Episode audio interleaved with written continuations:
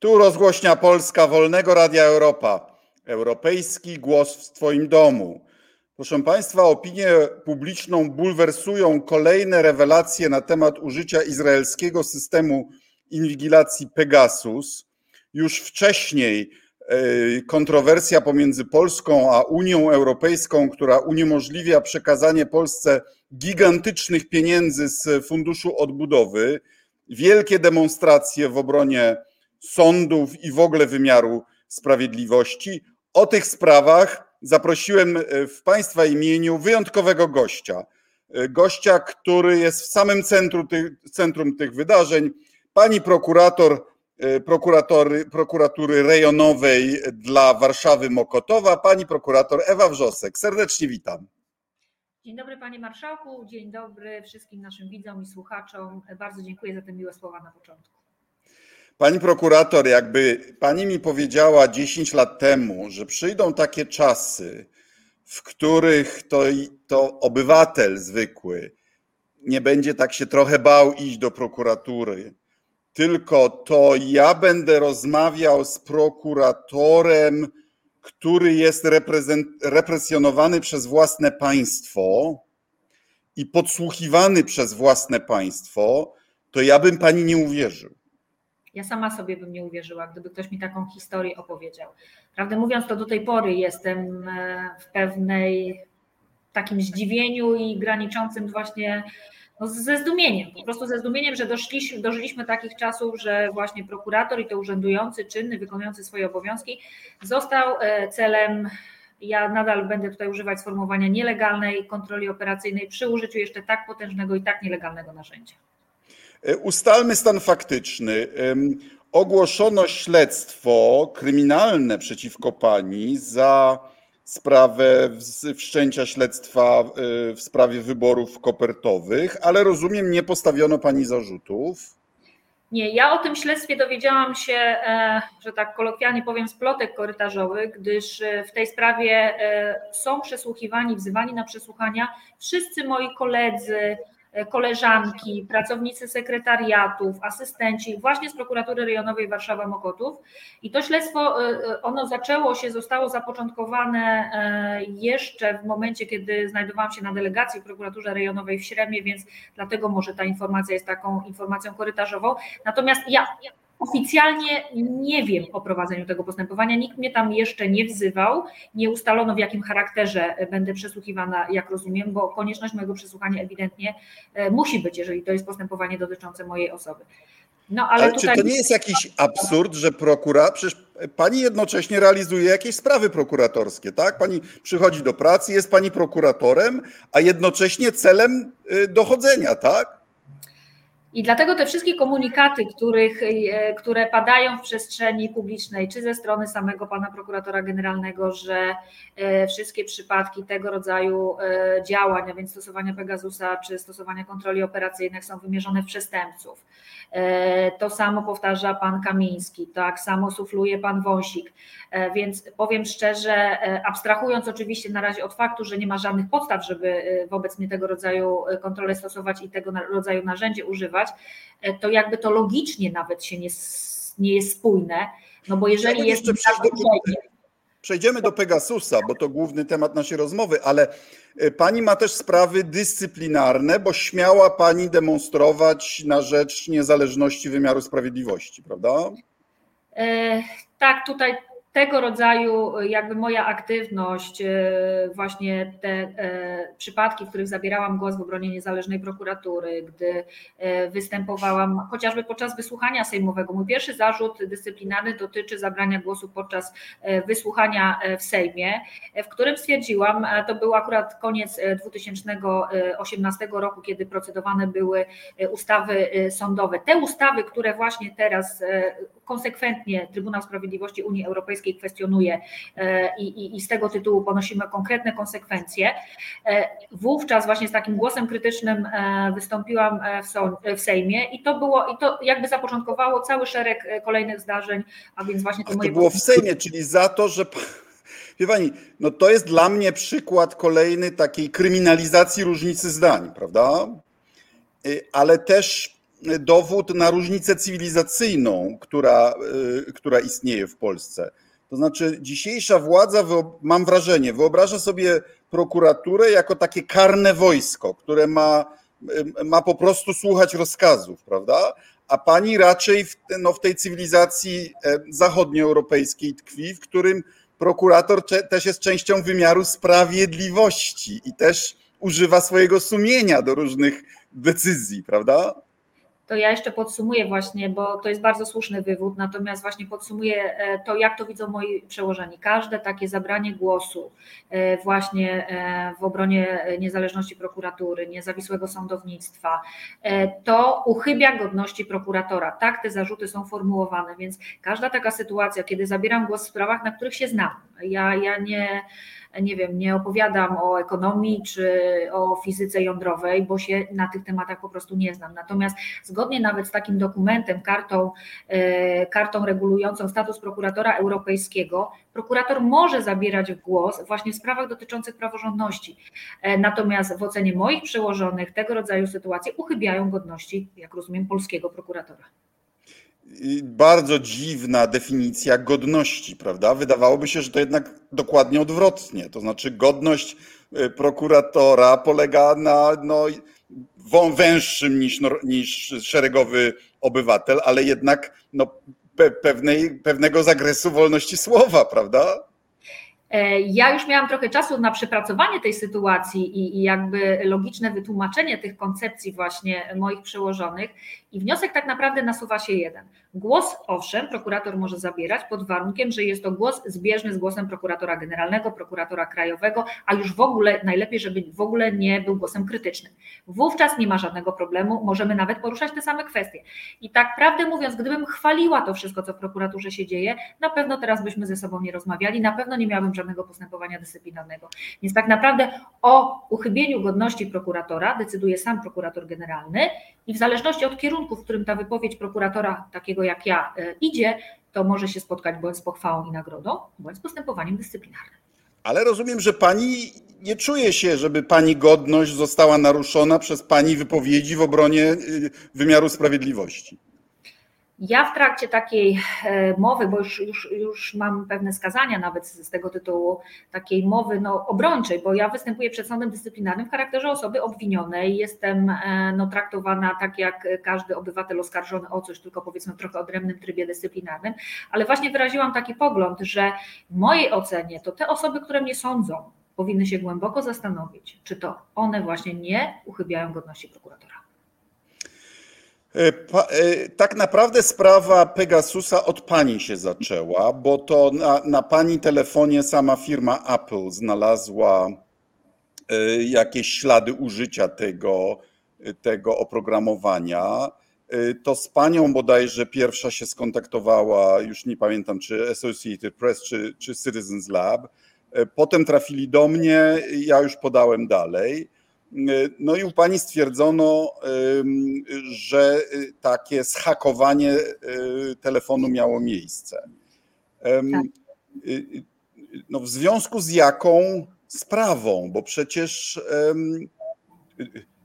czy pretekstem do, do użycia Pegasusa może być to, że, że pani próbowała wszcząć śledztwo w sprawie wyborów kopertowych? No przecież to się, tego się używa do najcięższych przestępstw Izraelczycy to stworzyli dla śledzenia potencjalnych terrorystów palestyńskich. No pani mi na terrorystkę nie wygląda. Dobrze się maskuje najwyraźniej w ocenie tych osób, które postanowiły mnie inwigilować. No ale właśnie również firma, która udostępniła nam, e, udostępniła nam ten, pro, ten program, chyba przeprowadziła tego rodzaju krytyczną analizę, bo już no przynajmniej oficjalnie tym programem nie dysponujemy. Zostaliśmy usunięci z listy krajów. Obawiam się, że to ma więcej wspólnego ze zmianą rządu w Izraelu. E, znaczy ja też widzę tam pewne niuanse, tak? Natomiast e, no, powiem szczerze, na miejscu naszego rządu no, czułabym się zawstydzona taką sytuacją i takim przekazem z tamtej strony, że jakby wypadliśmy wraz z Węgrami z tej listy krajów demokratycznych, które w ogóle mogą nabyć ten program. Ja przyznam szczerze, e, bo to bardzo często jest mi takie pytanie zadawane. Naprawdę próbowałam zracjonalizować temat, próbowałam znaleźć jakiekolwiek uzasadnienie i oczywiście takiego uzasadnienia nie ma. Nawet jeżeli e, takim e, procesem próbującym nadać pozory legalności tego użycia wobec mnie Pegasusa byłoby to postępowanie, o którym pan marszałek powiedział na wstępie, a więc to postępowanie karne, które prowadzi się wobec mnie za wszczęcie śledztwa w sprawie tak zwanych wyborów kopertowych, to to postępowanie postępowanie, e, kwalifikacja jakby w tym postępowaniu wskazana, więc przekroczenie uprawnień e, przez funkcjonariusza publicznego, czyli mnie, prokuratora, no nie uprawnia w żaden sposób do zastosowania tego rodzaju środków. Więc jakby na tą sytuację nie patrzeć, e, czy ze strony faktycznej, czy ze strony prawnej, nie ma żadnego uzasadnienia, i, I dlatego powiem szczerze, mnie osobiście bardzo, może kolokwialnie znów e, użyję tego sformułowania, irytują te przekazy ze strony czy pana Kamińskiego, czy prokuratora generalnego, że to jest narzędzie stosowane wobec przestępców. I, i, i, i o, gdy ten komunikat e, został e, jakby przekazany również pa, przez pana Samuela Pereire, no tu mam większe możliwości reagowania jako osoba czysto prywatna, czysto nie jako prokurator, tylko zareagowałam jako osoba prywatna. Ja nie pozwolę pozwolę na pomówienia tego rodzaju, że w jednym rzędzie stoję z przestępcami. I jeśli chodzi tutaj o, o pana Samuela Pereira, skierowałam prywatne oskarżenia wobec niego. Zassano dane z pani telefonu, to znaczy, że ma ktoś wszystkie e, miejsca, które pani odwiedzała, wszystkie pani kontakty telefoniczne, wszystkie rozmowy na komunikatorach, e, wszystkie strony internetowe, które pani odwiedziła hasła do, do kont bankowych, do, do, do, do poczty elektronicznej, po prostu do wszystkiego. No dzisiaj całe nasze życie jest na e, telefonie. E, jak się pani z tym czuje? Znaczy ja już na szczęście miałam trochę czasu, żeby się e, oswoić z tą myślą, ale tak jak wczoraj podczas wysłuchania na Komisji Senackiej powiedziałam, ten moment, kiedy uzyskujemy takie już stuprocentowe potwierdzenie, że rzeczywiście miał miejsce atak i to nie jednorazowy, tylko kilkukrotny. I mamy właśnie świadomość, jakiego rodzaju dane, czyli w zasadzie wszystkie, całe życie moje prywatne zostało od tak na tacy podane osobom, e, które mnie inwigilowały.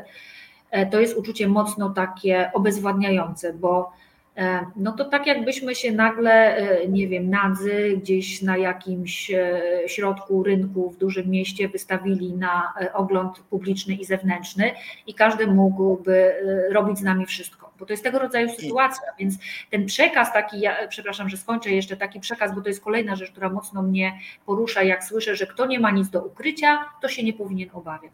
No to nie jest tego rodzaju sytuacja. To, że ja nie mam nic do ukrycia, nie oznacza, że chcę, aby wszystkie rzeczy dotyczące mojego życia intymnego, osobistego, zawodowego, osób, bo zwróćmy uwagę jeszcze na jeden aspekt, to, że ja jestem przedmiotem inwigilacji, to jedno, ale wszystkie osoby wokół, Całe moje otoczenie, osoby, z którymi rozmawiałam, spotykałam się, wymieniałam jakieś informacje, one dokładnie w ten sam sposób zostały zinwigilowane.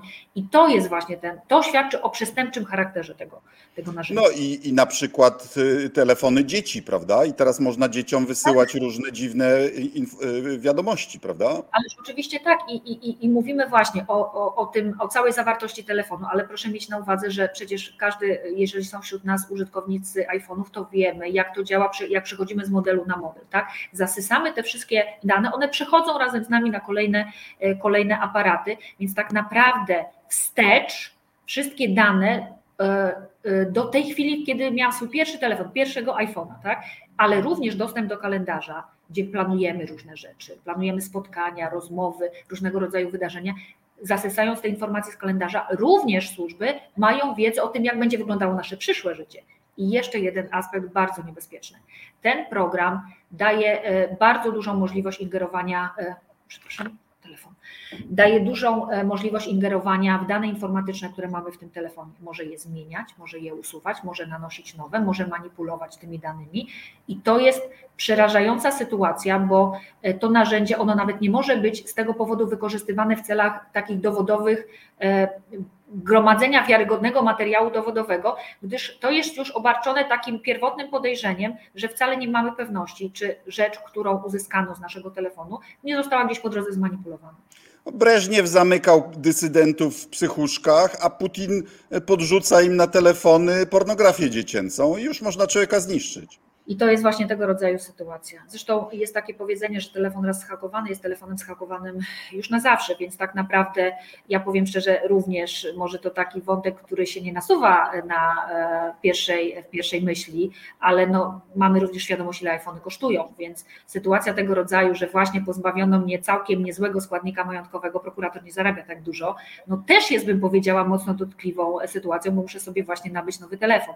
Więc to jest, to jest tak wieloaspektowo E, że tak powiem, ingerujące w życie osoby w ten sposób inwigilowanej, e, że naprawdę wszystko, co możecie sobie Państwo wyobrazić, e, co mogłoby Was spotkać właśnie w tego rodzaju sytuacji, to należy to pomnożyć razy dwa i jeszcze nie wiem, czy, czy wyczerpiemy całą zawartość kryminalną tego rodzaju zachowania. Jedna z posłanek partii rządzącej powiedziała, że ona by się nie bała, bo nie ma nic do ukrycia, ale gdy jej zaoferowano, że, że, że wstawi się magnetofon do jej do łóżka czy do konfesjonału, to jakoś się nie zgodziła. Albo na przykład e, zainstaluje przekaz online, który idzie gdzieś w przestrzeń, nie wiadomo kto po drugiej stronie e, siedzi, jak nie wiem, budzi się, idzie do toalety, e, siada przy śniadaniu, rozmawia z mężem, cokolwiek, cokolwiek, cokolwiek. No ja już no. pytałem pana ministra Wąsika, czy nas też podsłuchiwał w toalecie, ale jest jeszcze jeden aspekt tego, bo przecież pani nie wie, kto i jaki zakres tych danych nadal ma. Dokładnie tak. Dokładnie tak. Ja powiem szczerze, e, że właśnie e, temu miało służyć zawiadomienie o popełnieniu przestępstwa, które złożyłam do prokuratury okręgowej w Warszawie, aby również ustalić, co z tymi danymi się stało kto jest w ich posiadaniu. Już abstrahuję teraz od tego aspektu czysto technicznego, że nie jest wykluczone, że te dane w ogóle nie są na polskich serwerach, tylko są właśnie w Izraelu. Więc to znaczy, jest... w Izraelu są na pewno. Pyta... Gdzie jeszcze? Pytanie, gdzie jeszcze? Właśnie. Pytanie, gdzie jeszcze i, i, i teraz władza może z nimi, może je manipulować, może, może panią zaszantażować, może... Yy, znaczy, i to jest bardzo, przepraszam, że wejdę sobie, bo to jest właśnie, to też jest bardzo y, y, taki aspekt, który też nie wybrzmiewa. E, nie wiadomo, gdzie te dane są, nie wiadomo, jak zostaną zmanipulowane. E, ja jestem prokuratorem, prowadzę różnego rodzaju postępowanie. Proszę sobie wyobrazić taką sytuację, że nie wiem, planuję postawić komuś zarzuty. I nagle jakiś pan w ciemnym kapeluszu, jak wjeżdżam do garażu, podchodzi do mnie, pokazuje pewną rzecz i pani się dobrze zastanowi, czy te zarzuty to trzeba stawiać, czy nie trzeba stawiać. Tak. Tego rodzaju sytuacje. I to może nastąpić teraz, ale może nastąpić za rok, dwa, pięć. E, więc to jest potwornie niebezpieczne nie tylko dla mnie, to jest niebezpieczne dla e, no, zawodu, który wykonuję po prostu. Dla zawodu, który wykonuję i, i, i to rodzi straszne, straszne konsekwencje, straszne potencjalne niebezpieczeństwo. Minister Wąsik e, mi na komisji sejmowej powiedział, żebym uważał, żebym uważał. I, I, o ile kiedyś, ja powiem szczerze, ja, ja z tego rodzaju sytuacjami, że e, podejrzany na przesłuchaniu mi mówił, że właśnie żebym uważała, albo że on to kiedyś wyjdzie z tego więzienia, no powiem szczerze, może już się za bardzo oswoiłam, za długo lat jestem prokuratorem, żeby traktować to poważnie. Natomiast teraz niewinne słowo z, z ust pana Wąsika, uważaj, ma zupełnie inny wydźwięk. Jest wiarygodne niestety. Czy w swojej praktyce prokuratorskiej kiedykolwiek wy, wy, występowała pani o kontrolę operacyjną? Nie, ja nigdy nie pełniłam funkcji prokuratora okręgowego, a to tylko za jego pośrednictwem w Warszawie takie wnioski o kontrolę operacyjną są kierowane do sądu. Natomiast Jasne. z takimi materiałami miałam do czynienia, wiem na czym to polega, e, wiem jak powinna wyglądać procedura. I teraz pani argumentowała wczoraj na komisji senackiej, że Pegasus jest instrumentem e, zbyt um, szerokim, tępym, zbyt agresywnym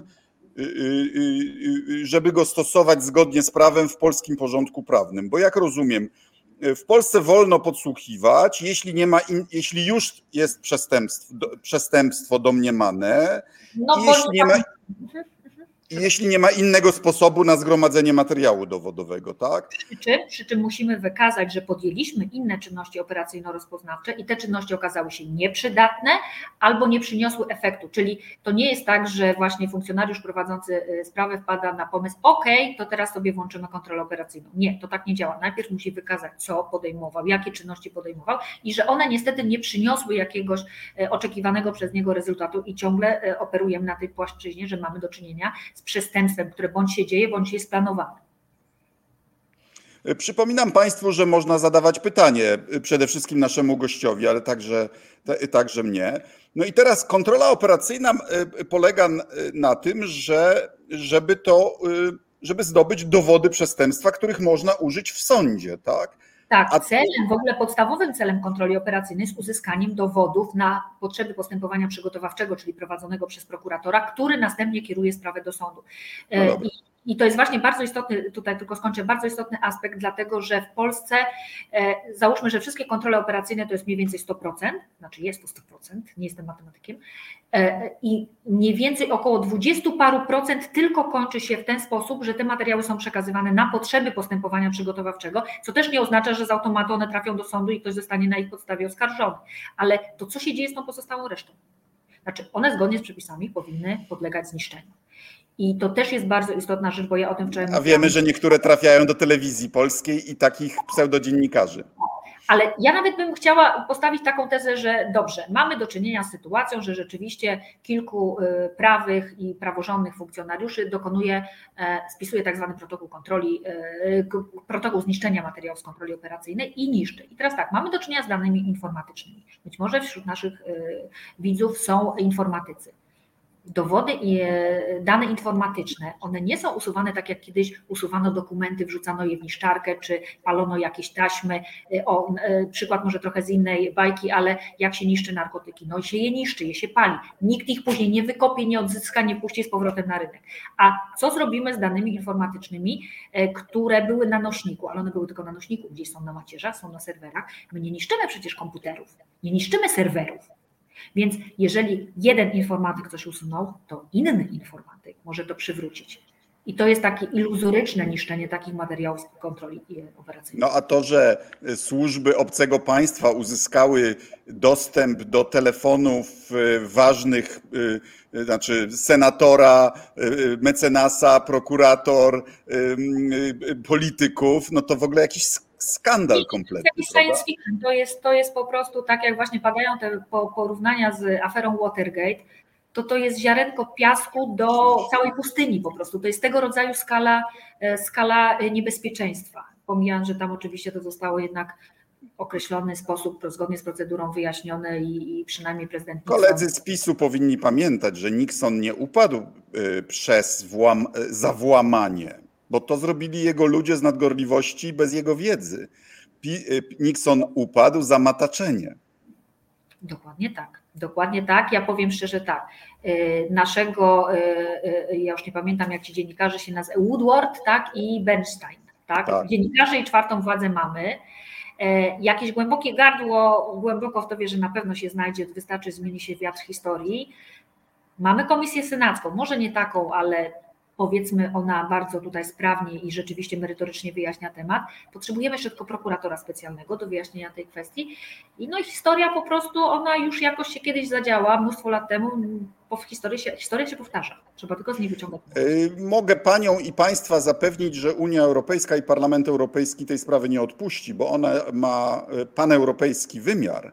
Y, Polacy nie są jedynymi obywatelami Unii Europejskiej, których potraktowano tym, e, tą bronią antyterrorystyczną. E, już wiemy, że na Węgrzech e, atakowano dziennikarzy. Już wiemy, że rząd Węgier wynajął lobbystów w Stanach, bo Amerykanie planują sankcje na ludzi, którzy tego dokonali. A my w Parlamencie Europejskim, mam nadzieję, już w lutym odbędziemy debatę na ten temat, więc bardzo przydatne będą e, te materiały z Komisji Senackiej, te fakty już przez Senat e, ustalone. Ale wracając do użycia Pegasusa w systemie prawnym. Ta władza już zrobiła sobie takie przygotowanie polegające na tym, że już można używać owoce z zatrutego źródła, tak? Czyli nawet jeśli się okaże, że Pegasus był nielegalny, to to, co uzyskali, to ich. Znaczy, to jest tylko połowa sukcesu. To jest tylko połowa sukcesu, bo sam przepis nie gwarantuje, że on w praktyce prokuratorsko-sądowej, znaczy w prokuratorskiej to pewnie jeszcze przejdzie, ale jeśli chodzi tutaj o stanowisko sądów, ono jest bardzo krytyczne i są orzeczenia, które kwestionują tego rodzaju y, uregulowanie, a to będzie miało swoje przełożenie praktyczne również na. No, to znajdzie się lepszych sędziów, którzy zmienią te orzeczenia. Jest takie ryzyko. I teraz władza zaprzecza, że użyła, ale ani minister Kamiński, ani minister Wąsik się na komisji senackiej nie zgłaszają. Kłamali, najpierw uda, wy, próbowali wyśmiać. Jak ktoś kłamie, to pani wiele lepiej od nas to pewnie ma to, to, to, raczej dlatego, że, że nie chce ujawnić, prawda? Że, że ma jak, że czegoś się obawia, prawda? Znaczy ja tą sytuację, y, głównie jeśli chodzi tutaj o oświadczenia takie publiczne, y, y, właśnie chociażby list, który był cytowany na Komisji Senackiej, skierowany przez pana Mariusza Kamińskiego, że służby specjalne w Polsce działają na podstawie prawa i wszystko jest legalne. I ja to, że tak powiem, przykładam od razu na jakieś konkretne rzeczy ze swojej praktyki zawodowej. I wyobraziłam sobie sytuację, że podejrzewam kogoś o popełnienie przestępstwa, ale mówi, nie, pani prokurator, ja tego nie popełniłem. Ja mówię, dobrze, to dziękuję panu, do widzenia, rozstajemy się i wszystko jest w porządku. No tak to nie powinno działać. To powinno, ja powiem tak. W więzieniach ja są sami niewinni, prawda? No tak to właśnie, właśnie wygląda. Natomiast ja naprawdę nie rozumiem, znaczy rozumiem e, jako, że tak, rozumiem ten przekaz, który ma być, jest przekazywany, natomiast naprawdę nic nie stoi na przeszkodzie. Jeżeli wszystko jest legalnie, no są na to zgody sądu, aczkolwiek e, nie wiem, na ile Państwo są zorientowani, to też jest mocno, może być instrumentalnie traktowane i sama. No zdaje się, że były wydawane taśmowo, prawda? Czyli se, y, mo, mogła być niechlujność sędziów, y, pójście na łatwiznę, ale mogło być też wyłudzenie tych zgód. Dokładnie tak. Dokładnie Prawda? tak, bo e, e, we wnioskach o zarządzenie kontroli operacyjnej nie wskazuje się środka technicznego, za pomocą którego jest ta kontrola, to, i to jest pierwszy aspekt, czyli ja zakładam, że e, już pomijając sędziów, którzy by wtedy mieli świadomość, że chodzi o Pegasusa, pomijając, że również chodzi o konkretne osoby, więc ja nie wiem, czy na przykład, jeżeli hipotetycznie byłyby takie wnioski, hipotetycznie byłyby zgody sądów, to tam musi być wskazane nazwisko osoby inwigilowanej i o co ją się podejrzewa. No i teraz ja tam sobie nie będę przypisywać jakiegoś, jakiejś takiej publicznej e, znajomości mojej osoby, ale nie wyobrażam sobie sytuacji, że nie zapaliła się czerwona ramka u sędziego, który, do którego mógłby hipotetycznie trafić wniosek o kontrolę operacyjną pana senatora Brejzy. E, no bo przecież to, to, to, to cały szereg tych lampek e, powinien się znaczy, zapalić. Podkładką do Brejzy jest rzekomo to, że pisowska radna ileś lat wcześniej w ratuszu jego ojca y, fałszowała jakieś faktury. Myślę, że to jakiś kompletny absurd. I dlatego ja nie wierzę, żeby w ogóle takie okoliczności zostały napisane, wskazane w uzasadnieniu takiego wniosku, bo e, no ja rozumiem, że można mieć, e, bym powiedziała, spolegliwych sędziów, ale to, to już jest granic, to jest, e, to już byłoby przestępstwem, to byłoby ewidentnym wyłudzeniem zgody sądu na kontrolę operacyjną, bo tego rodzaju przestępstwo. I mamy do czynienia z senatorem Brejzą.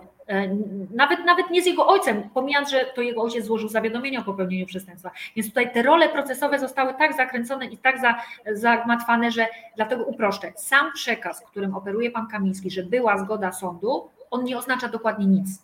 Nie wiemy, na co była zgoda, jaka była zgoda, a ja jeszcze postawię taką tezę, że w ogóle ja naprawdę do tej pory nie mam pewności, czy w ogóle mamy do czynienia z czymś takim jak do, udokumentowanie takich kontroli operacyjnych.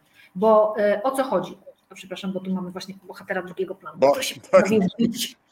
e, e, proszę zauważyć, że program ten nabywaliśmy, znaczy my, CBA nabywało przy tutaj udziale mocnym Ministerstwa Sprawiedliwości w tak skryty sposób, tak zagmatwany, tak aby się to w ogóle nie udało. W tym celu dla tej jednej, jedynej transakcji zmieniono kodeks karny wykonawczy. Dla mnie to, to już jest po prostu E, tak, tak mocnym Ale nie znałem tego aspektu. W jakim zakresie? O co chodziło?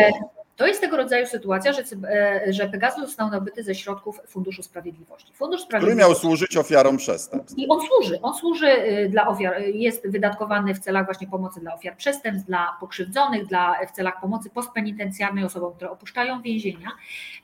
Natomiast on z tych środków jakby do tej pory, do, do, zmiany, która e, została w tym kodeksie zrobiona w sierpniu 2017 roku, nie można było przekazywać środków e, organom władzy publicznej. A taki zapis wprowadzono, że organom publicznym, a taką służbą jest CBA, można przekazywać e, z tego funduszu środki i czyni się to w celu zwalczania przestępczości. Te dwa zapisy pojawiły się wówczas jakiego rodzaju w ogóle nadużycia. Już to zalegalizowali, okej. Okay. Dokładnie tak, ale, ale proszę sobie wyobrazić, że my zmieniamy kodeks karny wykonawczy dla jednej, jedynej transakcji. To jest, dla mnie to jest po prostu tak przerażająca skala nadużycia, takiego deliktu, e, i, i, i przecież my tę ustawę przepuściliśmy przez Sejm, e, se, se, posłowie. A mnie to wcale nie dziwi. Mnie to wcale nie dziwi, bo to, co Ziobro robił w latach 2005-2007, co było złamaniem prawa, to znaczy pokazywaniem materiałów ze śledztw Kaczyńskiemu, teraz na początku pierwszej kadencji sobie uzalegalizowali i już robią po prostu rutynowo. Pan e, Zbigniew Ziobro wyciągnął po prostu lekcję z przeszłości, czyli to, co wówczas było nielegalne, niedozwolone przepisami, teraz jakby po, gdybyśmy się cofnęli w czasie na podstawie obowiązującego aktualnie prawa o prokuraturze, on sobie zapewnił taką możliwość. On może pokazywać każdy materiał z postępowania przygotowawczego, powiem więcej. Dziennikarzom też usłużnym? Z, tak, wystarczy, że uczyni to w interesie społecznym w interesie publicznym. Jak A interesem publicznym jest utrzymanie władzy przez PiS i już to tak szerokie pojęcie, że tak naprawdę wszystko tutaj można wrzucić. Co więcej powiem, e, ustawa Prawo o prokuraturze umożliwia również e, publikowanie materiałów z kontroli operacyjnej. Kiedy one jeszcze nie zostały wykorzystane w postępowaniu, nie zna ich prokurator e, no, w sensie takim procesowym i formalnym, nie, nie zna ich sąd, natomiast jest taka możliwość wynikająca z prawa o prokuraturze, że te materiały mogą być publikowane. Oczywiście musi być z nich zdjęta klauzula tajności no, w porozumieniu z tą służbą, która która e, tej kontroli dokonywała. To jest olbrzymia, e, olbrzymie pole do nadużyć. Natomiast właśnie to jest ta lekcja z przeszłości, niestety, taka w bardzo złym e, tego słowa znaczeniu, którą pan prokurator, pan Zbigniew Ziobro wyciągnął z przeszłości. Natomiast powiem tak, to też nie jest tak, że brzmienie przepisu ja już wybiegam trochę do przodu, jeżeli ktoś kiedyś w przyszłości powie, ale była taka norma prawna, która mnie do tego uprawniała, to samo z siebie z automatu z odpowiedzialności karnej nikogo naprawdę nie zwalnia. I tą świadomość powinni mieć wszyscy funkcjonariusze tego systemu, a jak już uprościmy i wrócimy do początku i chodzi o kontrolę operacyjną i o funkcjonariuszy CBA, to ja to też e, e, zaznaczyłam podczas wysłuchania na komisji, e, to nie jest tak, że ten funkcjonariusz, który tam bezpośrednio, nie wiem jak to wygląda, ale nie wiem, wtykał coś w jakieś kable, podłączał do komputera, chociaż ten system Pegasus on w ogóle działa w żaden sposób nie wymaga żadnej reakcji. Tak, on się pojawia, znika. Teoretycznie miał być nienamierzalny i niewykrywalny. Co więcej, ma taką możliwość usuwania się nawet z zainfekowanego telefonu, jeżeli system podejrzewa, że ktoś próbuje go namierzyć. Więc każdy, kto ma świadomość, że przekracza uprawnienia, a artykuł 17 ust. 5 ustawy o Centralnym Biurze Antykorupcyjnym e, mówi, regulując tutaj pewne kwestie prowadzenia kontroli operacyjnej, że kontrola operacyjna, czyli utrwalanie obrazu i dźwięku może być, wyko, może być podejmowane w różnego rodzaju miejscach e, innych niż miejsca publiczne. I teraz przechodzimy do tego właśnie sformułowania inne, e, miejsca inne niż publiczne, czyli a contrario, w miejscach publicznych nie można stosować tak masywnego narzędzia, które nie jest nakierowane wyłącznie na osobę, y, co do której hipotetycznie nawet może być ta zgoda sądu gdzieś, e, bo ono inwigiluje wszystkich. Ono inwigiluje osoby, które, nie wiem, siedzą w kawiarni przy y, sąsiednich stolikach, które y, idą na msze do kościoła i się wspólnie modlą, które, nie wiem, uczestniczą w jakimś legalnym zgromadzeniu. To jest narzędzie i każdy, nawet szeregowy funkcjonariusz CPA ma świadomość, że tego rodzaju narzędzie w tej przestrzeni publicznej nie może być wykorzystywane. Więc tutaj ja powiem już tak naprawdę mocno kolokwialnie, między bajki należy włożyć taką narrację, że zgoda sądu coś legalizuje. Nie, bo e, ona e, w skrajnym przypadku została w ogóle wyłudzona, ale również bardzo istotna rzecz, którą chcę powiedzieć, ja to też wczoraj mówiłam na komisji. Nie jest wykluczone, że próbowano nadać pewne pozory legalności takiej kontroli, właśnie występując o e, na przykład zwykły podsłuch przy wykorzystaniu telefonii komórkowej, kiedy właśnie za tą zgodą sądu idzie się do operatora, podłącza się tam te kabelki różne. E, jest to w pewien sposób, nie jest to akcja, która pozostaje tylko w służbach, ale no trzeba z nią wyjść na zewnątrz, tak? I, i sąd wyraża zgodę na e, tak zwane PTK, czyli podsłuch telefonii komórkowej. Natomiast równolegle ta sama służba w tej samej sytuacji, wobec tej samej osoby może używać Pegasusa, co do którego przy zakupie była zapewniona, że on jest niewykrywalny, nienamierzalny i w ogóle nie ma opcji, że ktokolwiek cokolwiek kiedyś ustali. I proszę zwrócić uwagę na tego rodzaju sytuacje, że z jednej strony pozyskujemy materiały w sposób formalny, to za zgodą sądu. Z drugiej strony mamy coś, co nie pozostawia śladów to tak naprawdę, cynicznie zadam pytanie, to po co zostawiać w ogóle ślady tej, tego, tej drugiej drogi, prawda? To, e, to rodzi taką naturalną pokusę, a jeszcze w służbach specjalnych, a jeszcze w służbach kierowanych przez pana Kamińskiego i Wąsika, kierowanych, którzy uprzednio byli skazani, za wyłudzenie zgód na kontrolę operacyjną. Właśnie, czy to by była recydywa, biorąc pod uwagę, że ich skazanie nie było prawomocne? Nie, to jest tego rodzaju sytuacja, że z chwilą ułaskawienia przez prezydenta ci panowie są osobami zupełnie niekaranymi. Oczywiście mamy świadomość, że to ułaskawienie tutaj no, było jakimś incydentem pozaprawnym tak naprawdę.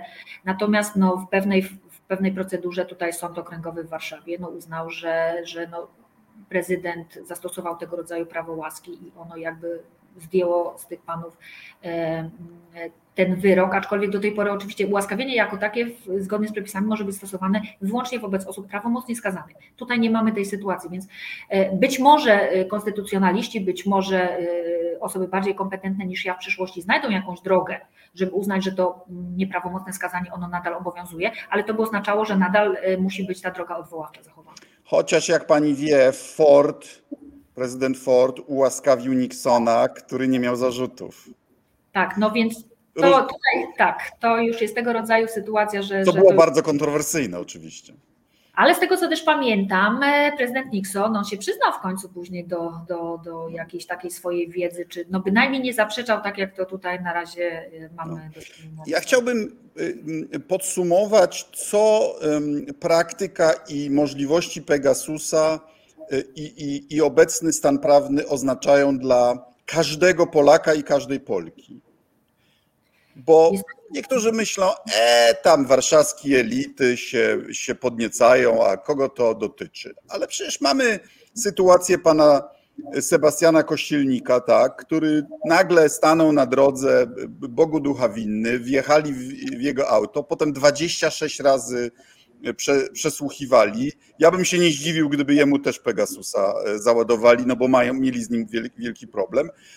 Czyli my możemy przypadkiem stanąć na drodze władzy i wtedy, i wtedy tak, ściągają wszystko, co mamy na telefonie, wchodzą we wszystkie nasze interakcje z innymi ludźmi, instytucjami, po czym chyba zgodnie z, praw, z prawem ustaliliśmy, mogą to dać panu Perejrze, który, który to odpowiednio przytnie i puści we wiadomościach. Nasze najbardziej intymne sprawy.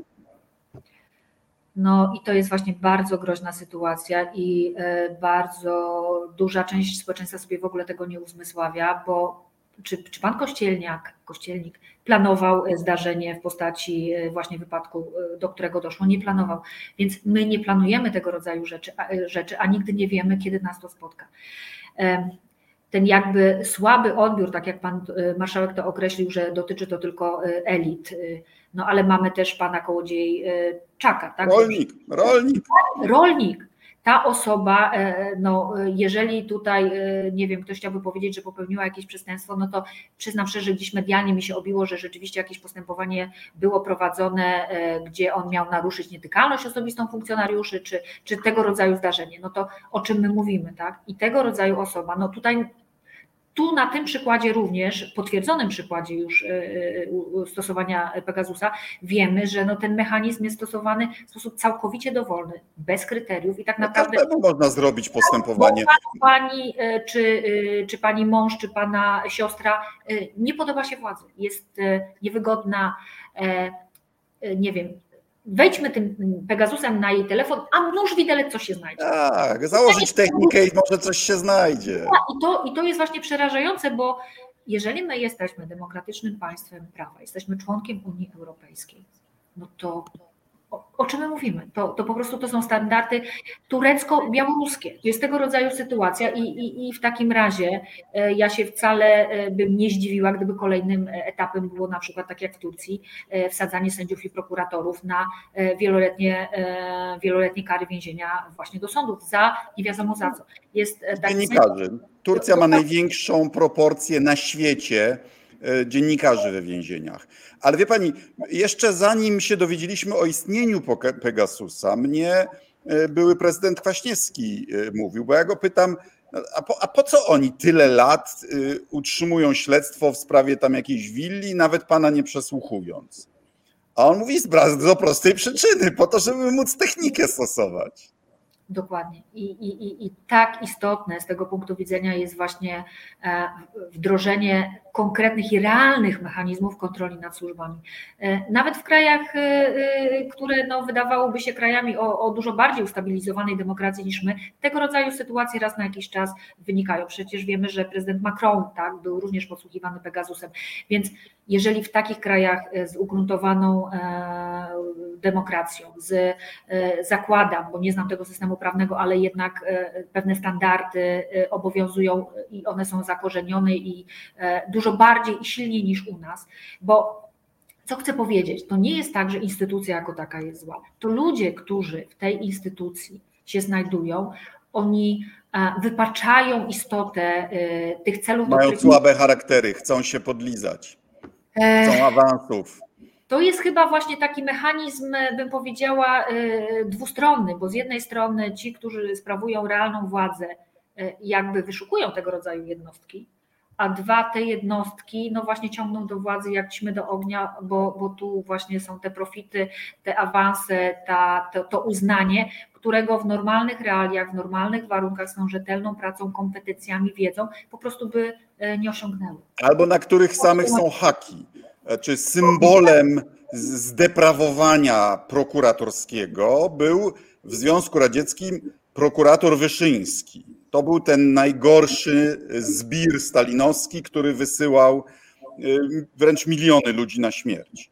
I on wykonywał ślepo rozkazy Stalina, dlatego że był mniejszewikiem w czasie rewolucji i zdaje się, że nawet w czasie rządu jeszcze Kereńskiego podpisał nakaz aresztowania Lenina. No to już lepszego, że tak powiem, uzasadnienia. Więc, więc w każdej chwili mogli go zniszczyć. Tak.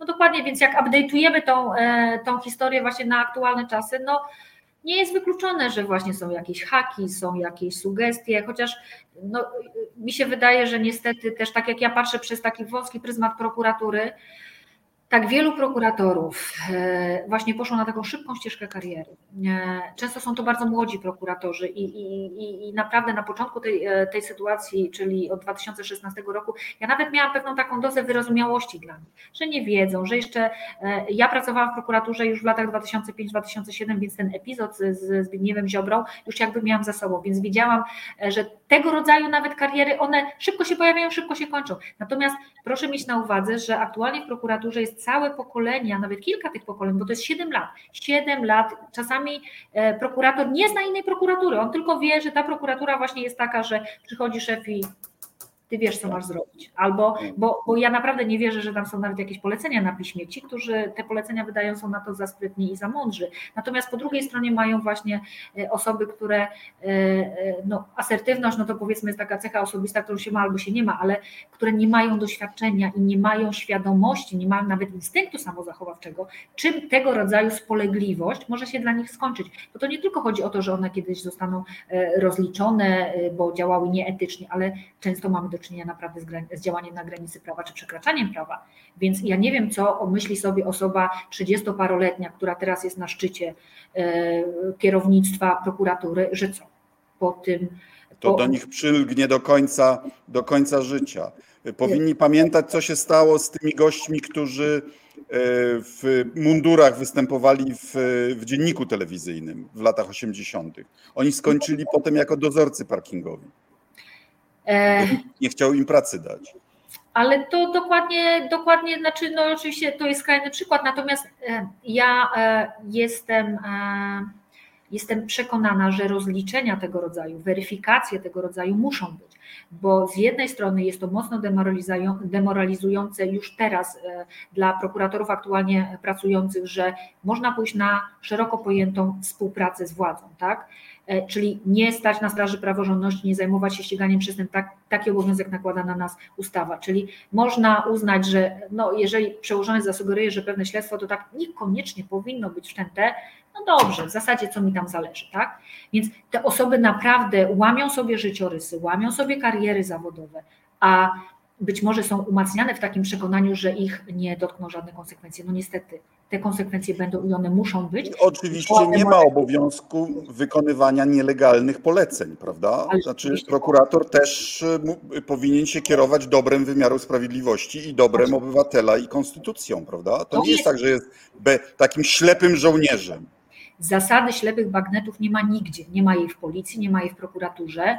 E, natomiast e, prokurator w ogóle z natury rzeczy ustawa daje nam taki przymiot niezależności E, I to jest właśnie to, o co, co jest takim punktem stycznym, takim punktem e, zapalnym między stowarzyszeniem, którego jestem członkiem Lex Superownia, a prokuratorem generalnym, bo e, dla niego niezależność oznacza chyba to, że ja mam wykonywać jego polecenia. Wtedy mogę być sobie niezależna. Ale nie daj Wolność jako uświadomiona konieczność. O, bardzo dobre właśnie, dobry cytat z przyszłości. Dokładnie tak. Natomiast właśnie powiedzmy, jeszcze z prokuraturą jest o, o tyle prościej, że tu jest naprawdę taka siła wewnętrzna i kręgosłup dość dużo daje, tak?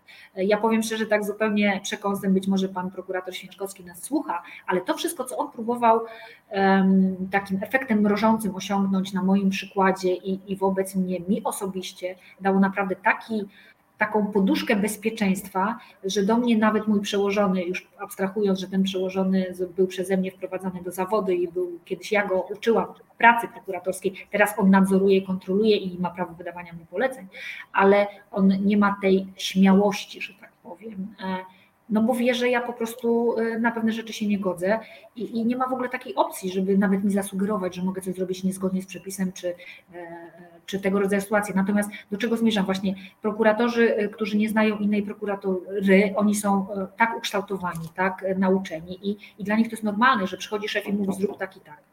Nie myślą, to, jest regres, to jest regres cywilizacyjny. Na koniec, na koniec zapytam o sprawę niezwiązaną z Pegasusem, ale która mnie oburza od wielu lat. Proszę nam wytłumaczyć, dlaczego w Polsce jest tyle aresztów wydobywczych? Dlaczego nie jest tak jak w innych krajach, że ok, jest przestępstwo, dostajesz zarzuty, kaucja i do domu? E, to jest systemowa wada e, prokuratury, ale może wynikająca z tego, że nasz model prokuratury jest takim e, modelem prokuratury takim radzieckim. Tu generalnie jest człowiek, jak się już tego człowieka ma, to się go tak łatwo nie wypuszcza ze swoich, brzydko mówiąc, łap. Dodatkowo jest e, nieustająca presja raz na policję, dwa na prokuratorów, e, statystyczna czyli właśnie statystyka, że jak zatrzymamy, no to, to jest taki, to wystarczy od... Nie, ja rozumiem morderca, gwałciciel, ja to wszystko rozumiem, ale znaczy... za, za, wie pani, biznesmeni potrafią być przetrzymywani w aresztach latami za różnicę opinii co do faktury. Znaczy jak już wyjdzie z tego więzienia, to już tej firmy nie ma. Ale dokładnie I... tak. Dokładnie tak i to jest przerażające. I tutaj ja powiem szczerze, jestem również zwolenniczką materialnej odpowiedzialności e, e, osób, które o tym decydują, czyli jeżeli prokurator bezrefleksyjnie e, czy stosuje areszt, czy właśnie stosuje różnego rodzaju środki, na przykład zakaz prowadzenia działalności gospodarczej.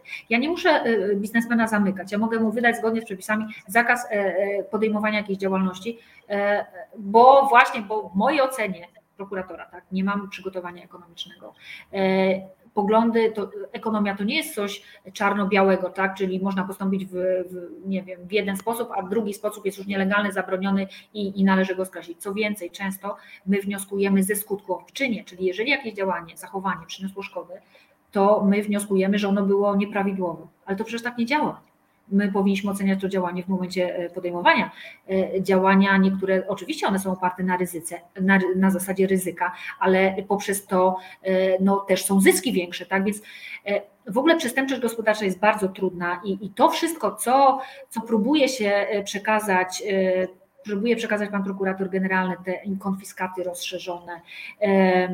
To jest po prostu niesamowite, bo my, ja, ja przyznam szczerze, my prokuratorzy naprawdę na tym za specjalnie się nie znamy, dlatego korzystamy z opinii biegłych. E, ale z biegłymi to też jest tak, że to nie jest tak, że jak ja powołam biegłego, e, to on następnego dnia mi opinię da. On mi tą opinię może dać za rok, a w tym czasie mam osobę, która, tak jak pan marszałek zauważył, siedzi w areszcie, tak? A później ja jeszcze nie wiem, jakie będą wnioski tej opinii. To jest w ogóle bardzo szeroki temat. I jeszcze jedna, jeden aspekt, y, y, o którym słyszę, który też wydaje mi się no, no taki niezachodni.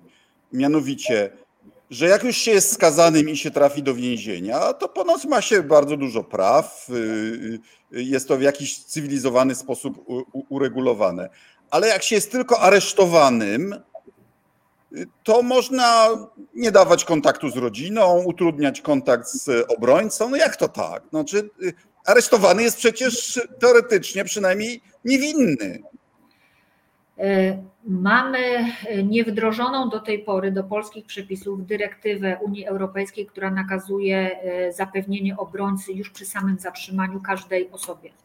My od roku, już nie pamiętam, mogę skłamać, czy to był rok 2017, ta dyrektywa, czy 2018, my nie robimy w tym kierunku nic. I to jest właśnie przerażające, bo ja powiem szczerze, z praktyki wiem, że często trafiają do mnie osoby, które wyobrażenie o działaniu polskiego prawa czerpią z amerykańskich filmów, żądają adwokata. Ja, znaczy ja powiem tak, ja tego rodzaju, bo dyrektywę mogę stosować y, wprost. Ja nie muszę mieć przepisu, który w kodeksie mnie do tego uprawnia. Więc ja to wiem, ja to stosuję, ale ilu jest takich prokuratorów? I to jest właśnie przerażające, bo znaczy to jest właśnie takie myślenie, prokurator nie jest służbą specjalną, tak? bo służby specjalne na zasadzie nikomu nic nie powiemy, zgromadzimy te dowody, y, a najlepiej, żeby jeszcze nikt o tym nie wiedział. No i teraz sytuacja, proszę sobie postawić się w sytuację prokuratora, który no tak, nie wpuszcza nikogo do aresztu, to on po pierwsze skruszeje, po drugie nie będzie wiedział, co na tej wolności się dzieje, po trzecie nikt mu nie przekaże jakichś informacji z zewnątrz i na wewnątrz, na, na zewnątrz. Ja przyznam szczerze, abstrahuję od zarzutów karnych w tym momencie, które zostały postawione panu Sławomirowi Nowakowi ale ja oceniam prowadzone przez prokuraturę okręgową e, postępowanie w sposób taki czysto techniczny. To, co w tym postępowaniu się zadziało, to w jaki sposób manipulowano przepisami, żeby nie zwolnić właśnie za kaucją, tak zwaną z aresztu, no to są zachowania e, ewidentnie przekraczające uprawnienia. To, że czekano, aż wejdzie przepis specjalnie po to notabene napisany, żeby nie można było przyjąć e, e, poręczenia majątkowego. Z żeby można nie przyjąć. Tak. tak, dokładnie, żeby stworzyć te postawy do... No to jest po prostu przerażające. I, i Bo to jest filozofia nie chronienia porządku publicznego, tylko filozofia dopaść obywatela. Tak, to jest właśnie ukierunkowane, e, no bo to jest ta, ta filozofia dajcie nam człowieka, znajdziemy na niego paragraf, tak? Natomiast tak czysto po ludzku, sceny, y, jak pan Sławomir Nowak opuszcza areszt, to naprawdę, ja wiele lat pracuję jako prokurator, to już ponad ćwierć wieku. No to jest przerażające, że prokuratorzy nie uzmysławiają sobie, jakie szkody takie ludzkie wyrządzają tym osobom. Jak, y, jak po prostu taki areszt może człowieka zniszczyć, i, i, I, jaką satysfakcję, ja nie mówię teraz o, o, o, panu Nowaku, ale jaką satysfakcję będzie miała osoba, która za 3, 4, 5 lat e, otrzyma wyrok uniewinniający, a takie sytuacje się zdarzają. Kto jej. No, a przecież te, taka atmosfera nagonki e, tak. doprowadziła, e, doprowadza też bardzo często do, skazy, do, do, do, do, do ścigania i skazywania niewinnych ludzi, prawda? Z tym naprawdę trzeba uważać. I mamy rodziny tych osób, mamy ich znajomych. Ja tu apeluję do wszystkich, być może prawników, którzy gdzieś tutaj są, zwłaszcza prokuratorów. Uruchommy sobie empatię. Oczywiście jesteśmy związani przy, e, przepisami, oczywiście musimy w pewnych sytuacjach być e, kategoryczni i, i reagować zgodnie z prawem, ale po drugiej stronie mamy człowieka, to nie jest numerek statystyczny, to nie jest numer. Obywatela, który ma pewne niezbywalne prawa. Dokładnie tak. Ustawmy się na chwilę, my, prokuratorzy, na miejscu tych osób. No, to jest po prostu przerażające, I, i, ale jest na to przyzwolenie. Jest na to przyzwolenie właśnie takiego radzieckiego modelu prokuratury, takiego dajcie człowieka, znajdę paragraf. E, no, nikt nie dostał nagrody za to, że kogoś wypuścił z aresztu, natomiast za zastosowany areszt takie nagrody prokuratorzy dostają i to jest przerażające. Pani prokurator, jest Pani bardzo dzielna. Y, po komentarzach widzi Pani, że budzi Pani wiele sympatii i podziwu. Gratuluję pani pani postawy. Gratuluję powrotu z, z wygnania, ale rozumiem, że nasz wielkopolski śrem, że nasz wielkopolski Panie ja właśnie chcę, muszę się wbić, przepraszam bardzo, że przerywam. E, ja już na pewnym etapie mówiłam, u nas w Wielkopolsce to jest właśnie dużo lepiej niż, niż w tym mazowieckim. I bardzo serdecznie chciałabym pozdrowić wszystkie panie prokuratorki, z którymi przez te sześć miesięcy pracowałam, bo ich wysoki poziom merytoryczny, ich zaangażowanie w pracę i na szczęście ta odległość od takiego nacisku politycznego, jaki mamy w Warszawie, e, uchroniła je przed tym wszystkim, więc jestem pełna podziwu, pełna uznania i jeszcze raz dziękuję. Pani prokurator, serdecznie dziękuję za poświęcony czas. Proszę się trzymać. Życzę y, owocnej y, służby i żeby mogła Pani pracować w normalnych warunkach bez nacisku politycznego. Oby takie czasy jeszcze wróciły. Wszystkim nam tego życzę. Bardzo dziękuję Panie Marszałku. I wszystkim Serdecznie dziękuję. Do widzenia. To była rozgłośnia Polska Wolnego Radia Europa. Europejski głos w Twoim domu. Jeśli się Państwu podobało, to proszę o szerowanie, lajkowanie, udostępnianie. Do zobaczenia wkrótce. Dziękuję bardzo.